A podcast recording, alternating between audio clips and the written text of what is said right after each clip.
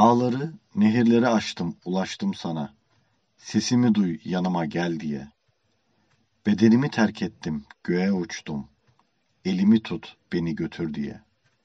Ey kutsal ruh, sesimi duy, bana kulak ver.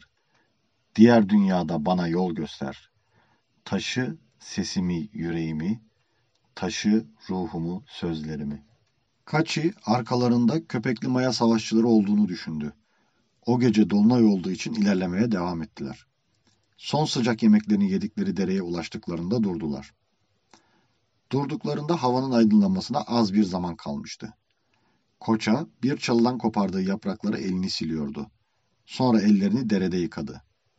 Derin derin soluklanan kaçı Tityak'ın yanına geldi. Siz de mi kahverengi tüylüleri gördünüz diye sordu. Tityak şaşırmıştı. Kahverengi tüylüler mi? Hayır ama gördüğümüz şeye inanamayacaksınız. Korkut adamları ile birlikte otağın önünden ayrıldı. Daha birkaç adım yürümüşken Korkut birden durdu. Arkasına döndü. Birden kılıcını çekti. Korkut kılıcını çekince adamları da kılıçlarını çektiler. Nöbetçiler şaşırmış ve ne olduğunu anlamaya çalışıyorlardı. Korkut nöbetçilere bağırdı. Nöbetçiler, hemen kılıçlarınızı çekin ve otağı kuşatın diye bağırdı. Nöbetçiler tereddüt etmeden Korkut'un dediğini yaptılar. Komutan Salto'nun otağını kuşatmak her ne kadar onlara anlamsız gelse de Korkut'a güveniyorlardı. Korkut otağın önüne geldi ve içeri girmeden kapıdan seslendi. Komutan Salto, dışarı gelebilir misiniz? dedi. İçeriden ses gelmiyordu. Altu, Korkut neler oluyor diye sordu. Korkut, içerideki şeyin ne olduğunu bilmiyorum ama komutan Salto olmadığına eminim dedi. Kısa bir süre beklediler. Otaktan kimse çıkmayınca Korkut ve Altu içeriye daldı. İçerisi boştu. Bilmiyorum Garuda. İçimden bir his söylememem gerektiğini söylüyor. Buradaki insanlar delirdiğimi düşünecekler. Belki de yalancı olduğumu. Seni anlıyorum efendi Günhan. Belli ki o his ile hiç tanışmamışsın. İnsanoğlu da hayvanlar da o hisse korku der. Korku mu? Ben korkmam Garuda. Herkes korkar efendi Günhan. Atohalp sen misin? Atohalp şaşırmıştı. Kartal'ın gagası hiç açılmamıştı. Kartal'ın baş rahipler gibi zihinden konuştuğunu anladı. Atohalp konuşarak cevap verdi. Evet, benim. Sen kimsin? Benim adım Merküt. Beş Kartal ailesinin kraliçesi. Ne oldu? Şaşırmış gibisin. İsmini biliyordum ama yaratık olduğunu bilmiyordum. Hem benimle zihinden nasıl konuşabiliyorsun anlayamadım. Merküt önce tiz bir çığlık attı ve sonra başını iki yana salladı. Kendini beğenmiş bir insanoğlu daha. Bu dünyadaki tek zeki canlının insanoğlu mu olduğunu sanıyordun? Zihninden konuşabilenlerin sadece rahip ve kamlarınız mı olduğunu sanıyordun? Senin kamın Alhana ise kartalların kamı da benim. Mağaraya doğru yürüdü. İçeriye baktı ama kimse yoktu. Mağaradan dışarı çıktığında yine bir dişi ve üç yavru ejderhanın dışarıda olduğunu gördü. Ama bu ejderhalar az öncekiler değildi. Çok benziyorlardı ama değillerdi. Etrafında olan biten anlam veremeyen Kürkül, yeni gelen ejderhalara tekrar Bukrik'i sordu. Yine cevap alamadı. Seni duyamazlar. Sesi duyunca Kürkül arkasına döndü. Neft gibi simsiyah gözleriyle kanatsız ejderha Bukrek karşısındaydı. Paçakamak ve Kürkül Kocam Asar ile birlikte neredeyse 2000 yıldır Mısır'ı ve bilgiyi yönetiyorum. Tecrübelerim sayesinde öngörülerim de çok önde.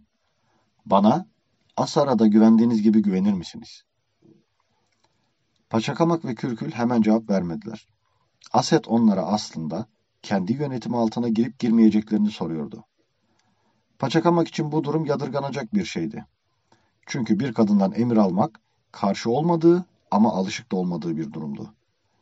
Kürkül için durum daha karmaşıktı. Uygur kadınlarının gerekli olduğu zamanlarda nasıl birer Kaan gibi olabildiklerini ve savaşı bile aynı eşleri gibi yönettiklerini görmüştü. Kürkül için sorun az önce düşündüğü şeydi. Aset'in intikam hırsıyla hareket etmesinden korkuyordu. Efendisi mızrağı boğazından çıkarınca Apep ince ve tiz bir sesle çığlık attı. Başını büyük odanın duvarlarına vurdu. Az sonra acısı geçtiğinde dev yılan da yorgunluktan başını yere koydu. Efendim, bana neden kızdınız? diye sordu yaratık başını kaldırmadan. Efendisinin gür sesi dev mağarada yayıldı. Bana Tifon ismini o aptal Kronoslular takmıştı. Bu isimden nefret ediyorum. Benim adım Set. Anladın mı aptal yaratık? Ben senin efendin değil, tanrınım. Tüm aşağı Mısır tanrı diye bana tapınırken sen, aptal yaratık, kim oluyorsun da bana efendi, hatta Tifon diye hitap edebiliyorsun? Yaratık, hayvan, insan ve anlayamadığım bir özelliği daha hissedebiliyorum, dedi Günhan Berge'ye. Nasıl olur? Bir canlı bu kadar özelliği nasıl barındırır? İnsan ve hayvan özelliğini aynı anda içeren yaratıklar gördüm. Ama bu hissettiğim şey çok farklı. Hayvanları kontrol altına alabiliyorsun. Bu yaratığı onun hayvan özelliklerini kullanarak kontrol altına almayı dene. Berge'nin fikrini beğenmişti. Günhan düşüncelerini tekrar yoğunlaştırdı. Hissettiği yaratığı kontrol altına almaya çalıştı.